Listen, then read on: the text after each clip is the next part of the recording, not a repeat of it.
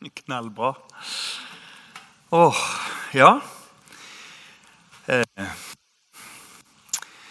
om vi kunne være med oss og be alle nå om at det kan bli en eh, Hadde jeg gått i en annen menighet, så hadde vi kanskje sagt en atmosfære.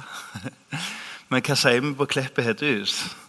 Slik at eh, det blir greit for folk å, å være her nå. For nå skal vi inn i noe kjempevanskelig og noe som er spennende og viktig. Eh, og om å kunne være i bønn om at eh, gudstjenesten videre kan få være en gudstjeneste som både taler klart om økonomi, om forvaltning. For i dag er det eh, øk økonomidelen av forvaltning. Vi kunne snakket om mye om forvaltning, men det er økonomidelen hovedsakelig vi snakker om. På en sånn måte at vi taler klart og samtidig så er vi rause med hverandre. Og så er vi villige til å sette oss inn i ulike livssituasjoner osv. Eh, vi vet jo det at eh, du skal ikke ha gått mye på samlivskurs før du ser sånne grafer om hvor viktig eh, de forskjellige sidene i samlivet er. Kommunikasjon kan være grunn til brudd og vanskeligheter. Og så kan det være seksuallivet som kan være vanskelig. Og så kan det være eh, familie og andres familier og relasjoner. Og så er det én kurve som bare fyker forbi alle de andre med ca. tre-fire ganger i vektenhet. Det er økonomi. Hvis vi skulle sagt ett punkt som splitter flest relasjoner i dag, så er det faktisk økonomi. Hvis du leser VG Dagblad, så er det seksualråd fra morgen til kveld. Ditt og datt og ditt og datt. Sikkert godt meint, men faktum er at eh, det var jo økonomi vi skulle snakket mye mer om. Og, så, og jeg tror vi vet alle. og Derfor så har jeg tatt med Siden vi skal snakke om første, førstegrøten, så har jeg tatt med første kake. Og så eh, Jeg pleier alltid å si at eh, jeg kan ha det. Det betyr i bunn og grunn at jeg liker det ikke. Jeg kan ha det. Eh, fordi for meg er økonomi veldig eh, tørt. Er det ikke? Eh, jeg er så glad jeg er gift med ei som eh, tar vare på alt det der. Jeg har nok ikke helt respekt og innsikt i hvor mye arbeid det er. Kan det stemme? Er det noen som kjenner seg igjen? Og eh, For meg økonomi, privatøkonomi vel å merke, det er som ei fyrstekake.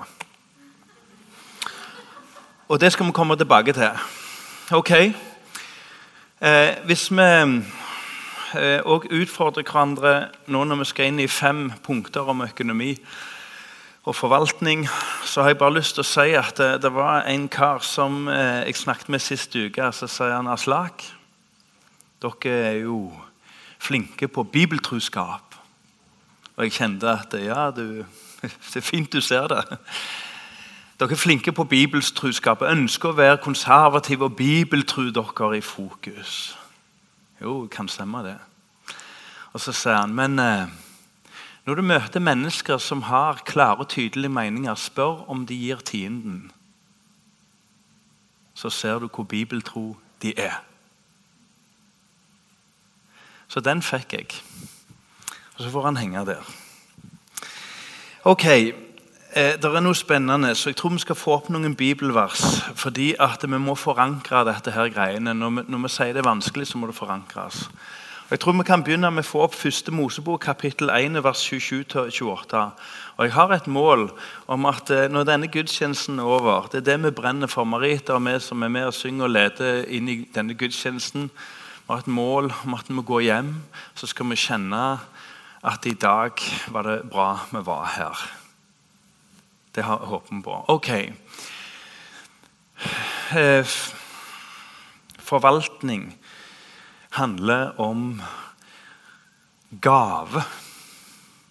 Om at Gud gir. Hvis vi leser fra første Mosebok, så er det så vidt liksom skapelsen har landa. Og knapt nok det. Og Gud skapte mennesket, gjentas det her, i sitt bilde. I Guds bilde skapte han det som mann og kvinne skapte ham den. Og så hør. Gud velsignet dem. Og hva er, hva er velsignelsen som Gud hadde for Adam og Eva, mennesket Adam og Eva? Vær fruktbare og bli mange. Fyll jorden og legg den under dere. Så velsignelsen er at Gud har gitt oss alt dette. Så la oss si til hverandre med en gang alt på jord er en gave. Alt vi har fått, er en gave. Dere skal råde over fiskene i havet, over fuglene under himmelen, over alle dyr som det kryr av på jorda. Alle de tre store elementer. Det skulle ikke være noen tvil. Alt som dette universet har å by på, som er innenfor menneskets rekkevidde, det er gitt som en gave til oss. Så strengt tatt kan vi egentlig si takk for i dag. Vi påminner om at Gud er en givende Gud av sin natur. Og Det betyr egentlig at resten av Bibelen er på mange vis historien om hvordan mennesket forvalter og ikke forvalter gaven. Og den største gaven er den som vi fikk på korset. Som mennesker vraka mest av alle gaver. Den største gaven ble mest vraka av alle gaver. Så Gud er altså giver-Gud av sin natur. Um, givertjeneste har òg noe med fare å gjøre. Det første var gave. Det neste var fare.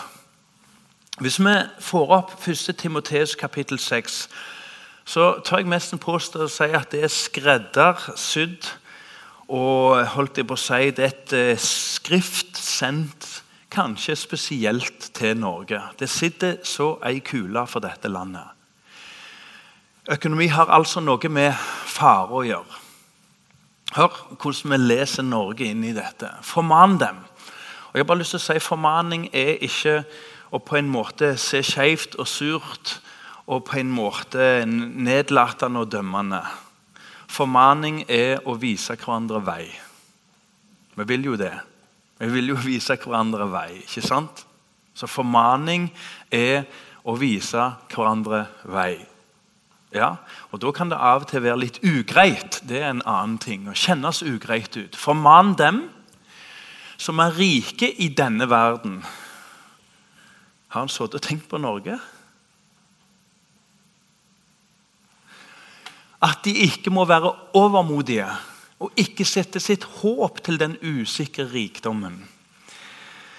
Eh, I forvaltning og i den tanken at Gud gir oss denne jorda, så ligger der gjennom syndefallet et potensial for overmot. Det er egentlig en fin måte å si det på at eh, arrogansen ligger rett rundt hjørnet. Eh, når du og jeg har fått noe og skapt noe, så må vi ikke glemme det 5. Mosebok sier i kapittel 8. At det er Gud som gir deg kraft til å få til disse tingene. Til å skape disse tingene. Og Av og til kan en lure på om det er forskjell på kristne og de som ikke er kristne når det gjelder økonomi og hvor ting kom fra. For det går i overmot, det går i status, og det går i alle disse tingene som ikke er ifra Guds rike. Kjenner vi oss igjen? Vi må snakke med den siden òg. At det handler ikke bare om gave, men det handler òg om fare. Og Jeg har bare lyst til å gjøre en liten sånn tankeeksperiment som noen i USA prøvde seg på. En av de store undersøkelsene som er gjort der og det er hvem er rik? Over må de ikke sette sin håp til den usikre verden, men til Gud. Han, hans Nå var det jeg som stoppet her. Kan vi få han litt videre? Ja. Han som gir oss rikelig av alt for at vi skal Det er jo, det er jo helt galskap. Nyte det. Jeg har mange ganger kjent på at jeg plasserer meg i en sånn gråsone. Og så ligger jeg mellom status og dårlig samvittighet og svever. Og Så kommer Bibelen og sier at vi skal få nyte. Er ikke det flott? Og de, eh, de, skal gjøre godt, være rike på gode gjerninger, være gavmilde og dele med andre. Er ikke det oss? Som har fått mer enn de aller fleste. USA ble det gjort en undersøkelse hvem er rik. Og Dessverre så viser undersøkelser at å være rik er i bunn og grunn en følelse. Og Det er litt rart, fordi at penger er jo ment for å være ikke-følelse. Men eh, cash is king. sant? Harde cash. Ikke følelser, men målbare enheter regulert mot valutaer. Men så har det blitt det stikk motsatte. Det har blitt bare følsomheten.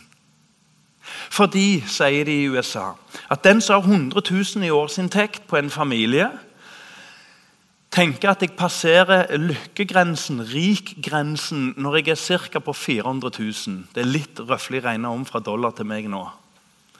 400 000. Da er jeg over i de rike. Og da kan jeg si at da er du faktisk på, på 1% i verden. Når en familie i Norge ville vi sagt kjernefamilie. I verden er det faktisk storfamilien. Når storfamilien har 400 000, så er du over den magiske grensa at de 99 andre er unna deg prosenter. Det er ganske spesielt. Og så De som har 400 000, kjenner på at jeg skulle hatt 1 million. Da er jeg over grensa. Det er et sånt snitt, da, sånt skjæringspunkt. så de finner ut. Og De som har én million, av en eller annen merkelig grunn, de tenker at eh, jeg er der mesten. Jeg skulle ha 3,8. Røftlig regna altså fra dollar til kronasjer. Så la oss ikke gå inn i tanken om at eh, økonomi og forvaltning er en følelse, for da er slaget tapt, og kristenfolket er utarma. Og vi finter hverandre ut, og ikke minst oss sjøl, når vi tenker lett for hun å si, lett for han å si. Jeg tror vi kan si til hverandre Ingen folk til noen tider, på noen steder i et helt land, har noen gang vært så rik som vi. Hvis den kan bare stå for seg sjøl, så kunne vi sagt mye annet. Men hvis den kan stå for seg sjøl.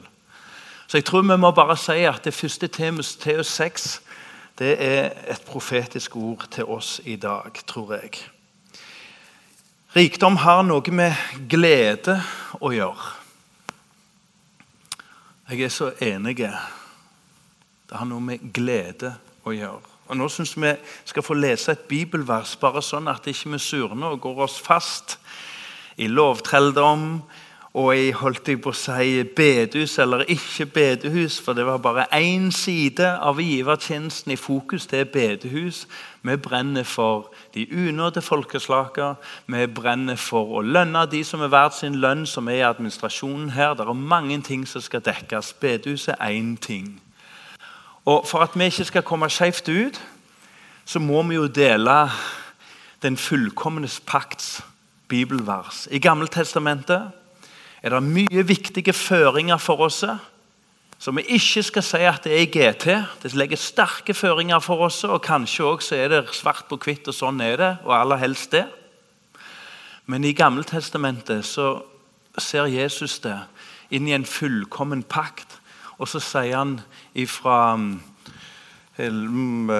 første Korinterbrev, kapittel 9, og vers 7 så blir det sagt så utrolig fint. Enhver Det betyr alle. Enhver skal gi det han har bestemt seg for. Det var vel egentlig det Stian ba oss om å gjøre. Gå, gå, hjem og jobb litt med gå, gå hjem og bestem dere for noe. sant? Jobb litt med det. Bestem seg for Og så hør I sitt hjerte og gledets innerste senter kan vi si at det er hjertet.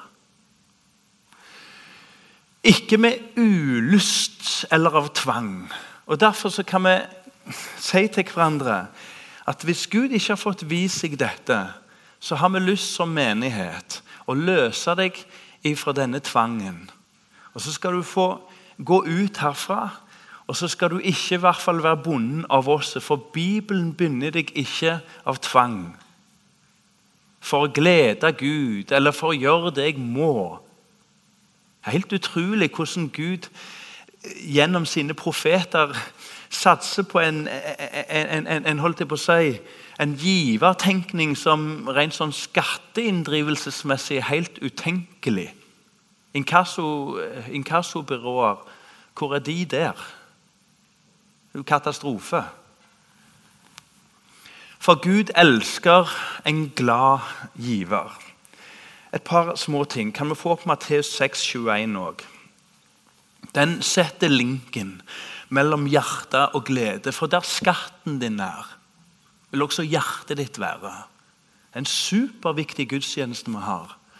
For gudstjenesten ville så gjerne gjennom Guds ord nå si hvor er hjertet, og hvor er skatten? Og de to der er to speil av hverandre. Du kan snu deg hva vei du vil, men du ser i bunn og grunn det samme. Hva speil du ser i. Hjerte, skatt. Hjerte, skatt. Det henger sammen. Det har noe med glede å gjøre. fordi Hvis vi får opp Matteus 13, så er det en lignelse som det har vært krangla mye om opp igjennom. Jeg husker når jeg var, begynte som forkynner, sånn 19-20 år satt jeg på en bibelskole, og så ble det diskutert over dette. med De andre var sånn 3-4-25 år, og jeg satt og spiste grøt og, og hørte etter. Så var det en forferdelig diskusjon over denne lignelsen. Himmelriket er lik en kjøpmann som lette etter fine perler. Da han fant en særlig verdifull perle, gikk han bort og solgte alt han eide, og kjøpte den. Og så gikk diskusjonen i For det var liksom, du måtte velge én av to her. Du måtte finne side med en gang. Er perlen oss at Gud er kjøpmannen, og så fant han oss forkomne får, og så solgte han sin egen sønn? For han så perla, og derfor kalte han de for syndere. Ikke vrak, men han kalte de for syndere. Tapte barn av Gud. Jeg tenker ja. Jeg tenker Det er jo selve evangeliet. At det dypest sett så er perla også. For Gud fant oss. Vi var forkomne. I vår natur så vil vi kle oss først med blader, og så får vi noen skinnfeller. Og dernest er egentlig livet en vandring bort fra Gud. Og så fant han oss. Og så solgte han sønnen sin. Og folk skjønte det ikke. I hvert fall ikke hans egne.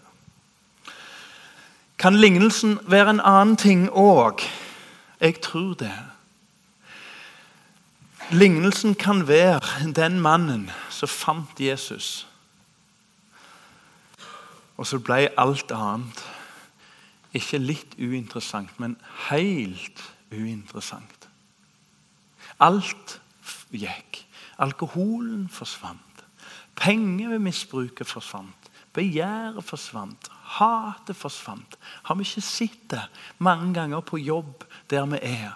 Og så har vi tenkt Hadde du møtt Jesus, så hadde du sluppet å ha det så vondt her på jord.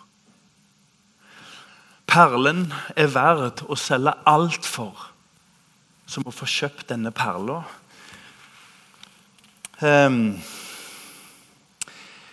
Sakkeus er et spennende eksperiment. Han der oppe i høyden som kommer ned, dummer seg ut og utskjelt og full av begjær, søkkrik, har vel i bunn og grunn langt på vei juksa seg til rikdommen sin. Og i hvert fall ikke tenkt at det var en gave. Denne mannen møter Jesus. Og Jesus fant perla, og perla var òg Jesus for han. Hva hadde meg og deg sagt hvis vi fikk opplevd en Sakkeus i dag? Hvis du, der du bor, får oppleve på jobb, midt i en samtale, at en sier nå gir jeg opp. Jeg vil følge Jesus. Jeg er så glad. Jeg har funnet meningen med livet. Hva ville meg og deg sagt da? Hvis vedkommende sier jeg vil gi 50% òg og Hvis jeg skylder noen, så skal jeg betale både én, to, og tre og fire ganger igjen. Og jeg skal gi 50% av alt jeg eier rettmessig, til Herrens hus. Hva hadde vi sagt da? Ja, Det holder med tienden. Vi bruker ved. Eller vi hadde gjerne sagt, for vi må jo være pedagogiske i dag Vi hadde sagt det viktigste er å begynne, gode venn. Komme i gang, liksom. Og så syns vi at vi har skikkelig åpna opp, og nå, nå, legger vi til rette for disippelskap her. For, for, for, her må vi ikke ta helt av. Vi må, vi må begynne. Men du, hva gjorde Sakkeus? Alt det han hadde, var totalt verdiløst, for han hadde funnet perler over alle perler. Og oppdaga at det andre var grus. Gud elsker en glad giver.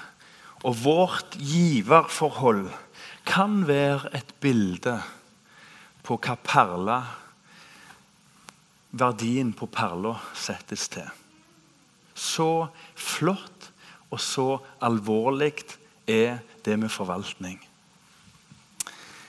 Eh, det har òg noe med vekst å gjøre. Jeg er på det nest siste punktet, og så skal vi ryke på den der kaka.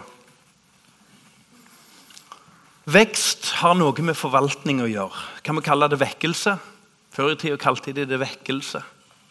Som en del av det å vokse. Det er altså når Gud ved sin ånd besøker et enkeltmenneske. Og så er det typisk at ingen andre så det. Og typisk at ingen andre, inkludert troende, hadde tenkt det. Og så blir ting nytt. Født på ny ved Den hellige ånd. Og Så kan det være familier som ingen hadde tenkt seg at det skulle skje noe med. Men hele familien blir på ny. Bygder blir nye. Hele land, ja til og med kontinent, blir forandra. Fordi åndens vind blåser der han vil, og akkurat nå blåser han gjennom ditt og mitt liv. Er det ikke det vi lengter etter? At Gud av og til sender sin ånd på en spesiell måte, sånn som vi vet han har gjort før. Og så vekker han oss opp. Det var en mann som heter Kornelius. Han var høvedsmann eller offiser for 600 skarpe soldater i det romerske riket. Han var søkkrik. Det må vi ikke diskutere. Han var søkkrik. Og Så står det at han og hele hans hus, sånn jeg leser det, er kommet inn i en vekkelse. Alt ble nytt for alle. Og Så er det en nøkkel som jeg vil trekke fram nå. Og Nå taler jeg til voksne mennesker. For her er vi fort ute å kjøre. Herren sier til denne mannen, gjennom sin engel etter hvert, og gjennom Simon Peter etter hvert, igjen så sier han Jeg har hørt dine bønner. For det var en rettskaffen og gudfryktig mann, står der. Sant? Jeg har hørt dine bønner. Har jeg dekning her inne hvis jeg sier at bønn og vekkelse hører sammen? Jeg karismatiker, da? Jeg herlighetsteolog som bare mister helt grepet? Jeg tør si at bønn og vekkelse hører sammen. For det er det sterkeste mønsteret du ser i vekkelser. Bønn og vekkelse. Så Gud hørte bønnen hans. Ingen reagerer. Alle er enige, håper jeg. Så står det en ting til. Å, jeg har sett dine barmhjertighetsgaver. Jeg skal prøve å lage en litt skarp setning nå. Vi må ikke si at hvis fokus, eller det fellesskapet du går i, Eller det du Den store kirka på jord. Vi må ikke si at hvis vi gir, så skal Herren åpne sine himler i den forstand at det, at det på en måte forløses rent materielt og rent kjødelig. Vi må passe oss for det. Malaki 3.10 sier 'prøv meg'. Først så sier han 'dere stjeler fra mitt forråd', 'dere stjeler fra min tiende'. sier han. Men prøv meg, sier han. Og om dere gir, så skal himmelens sluser åpne seg. Men det betyr ikke at jeg kan si at hvis du gir 10 000, så skal du kjenne 10 000 velsignelse. Og hvis du gir 700, så skal du kjenne 700 velsignelse. Da er vi på krasj. Da er vi plutselig et lite knepp feil, og så blir alt feil. Vi vet jo at når Jesus satt foran eh, gavekassen opp mot tempelet, eh, og så kommer det gående, og så ga noen av overfloden sin Fint det. Og så kommer det ei dame, ei eldre enke, og så ga hun av det hun ikke hadde. To Var det skjerver? Vet nesten ikke hva det er engang. Hun ga egentlig ingenting, men hun ga av det hun ikke hadde. En spennende tanke. Det jeg vil si, er at eh, hvis vi ser for oss at det Gud har gitt oss, ikke har noen ting med andre å gjøre, det er mitt, og da tror jeg jeg kan si at vi må ikke etterlyse vekkelse. Og Det er sagt så mange ganger opp gjennom vekkelseshistorien, så jeg måtte bla i litt sånne gamle bøker. sånne Pastiller og sånne ting. Postiller, ikke pastiller. Det er noe helt annet. Ja, Det var ikke løye. og så ser en det at menigheter som lengter etter vekkelse, men har dyp mistillit til Gud, har en mismatch som ikke akkurat åpner himmelens sluser. Jeg er åpen for kritikk på det jeg sier nå, men jeg har lyst til at vi skal smake litt på tanken om at eh, la oss ikke rope på Gud hvorfor ikke han svarer når vi stenger kranene inn til Guds rike. Og til slutt så er det disse kakene. Jeg har med altså eh, to kaker kaker, som det heter. Og der er det nemlig sånn at eh, Får du vann i munnen, eller blir du tørr i munnen når du ser? Um, happiness is a piece of cake. Ok, eh, La oss tenke oss nå at dette er førstegrøten. Så dere bonden? Og Det er fascinerende å få være med på gårder, for da, liksom, da får vi litt sånn vi er jo i primærnæringen. Sant? Det er så bra. Og så ser vi det står og veier i vinden.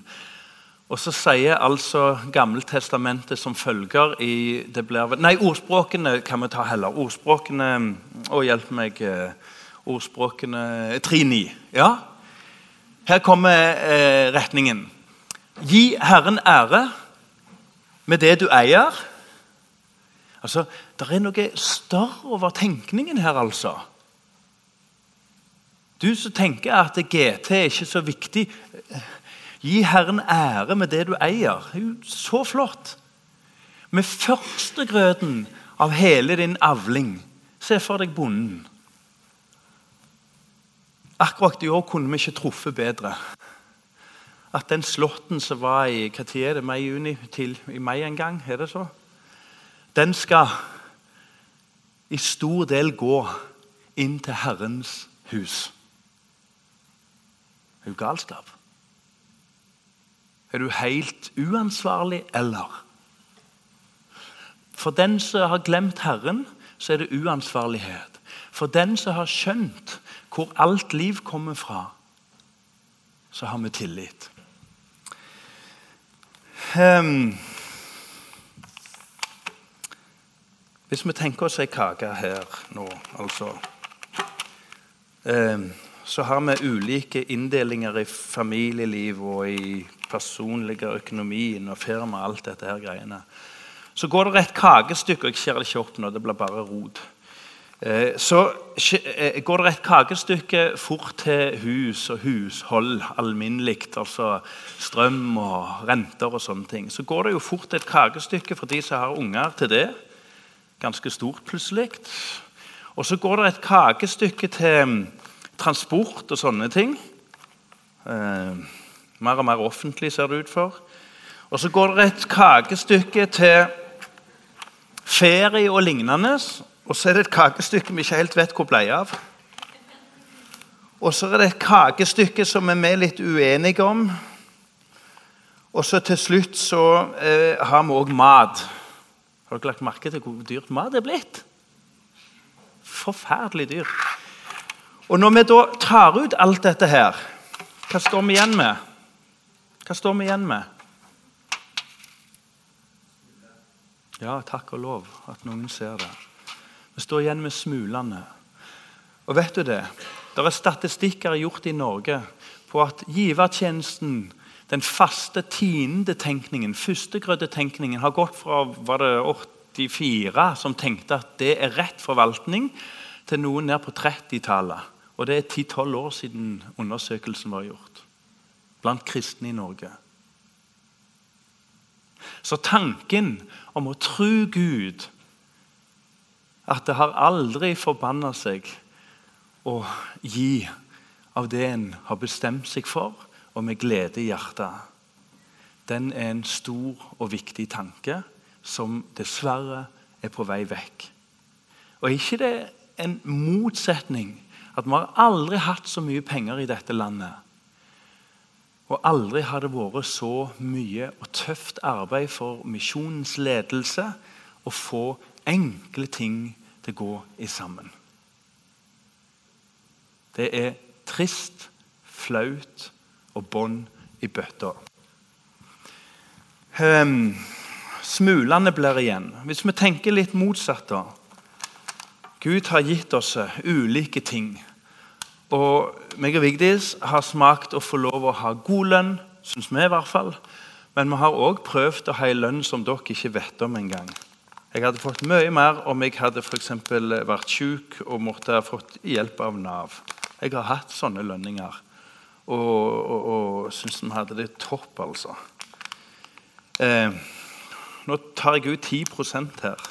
Så har jeg lyst til at vi skal smake litt på rausheten til vår Herre. Og ikke la oss begynne å diskutere skatt, gode venner. altså.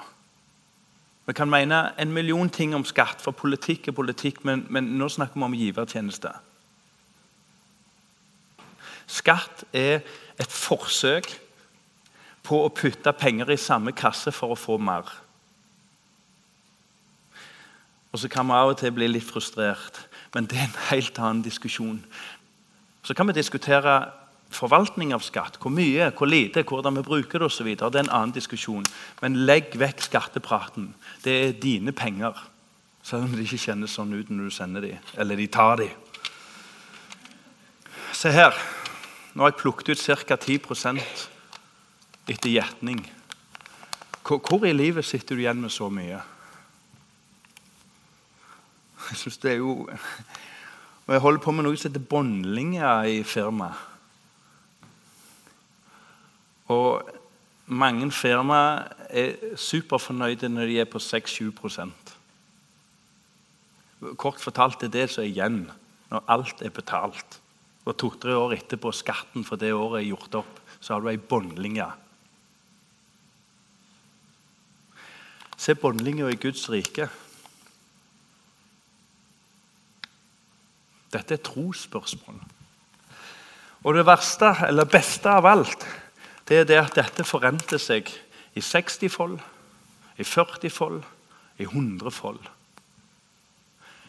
Men vi har klart i dette landet å komme i den posisjonen at det gjør vondt å gi. Derfor skal vi i dag si gå hjem og finn ut hva du vil gi. Og du som syns det gjør forferdelig vondt, du skal løses, og så skal du slippe. Og du skal få hele menighetens velsignelse til begge deler.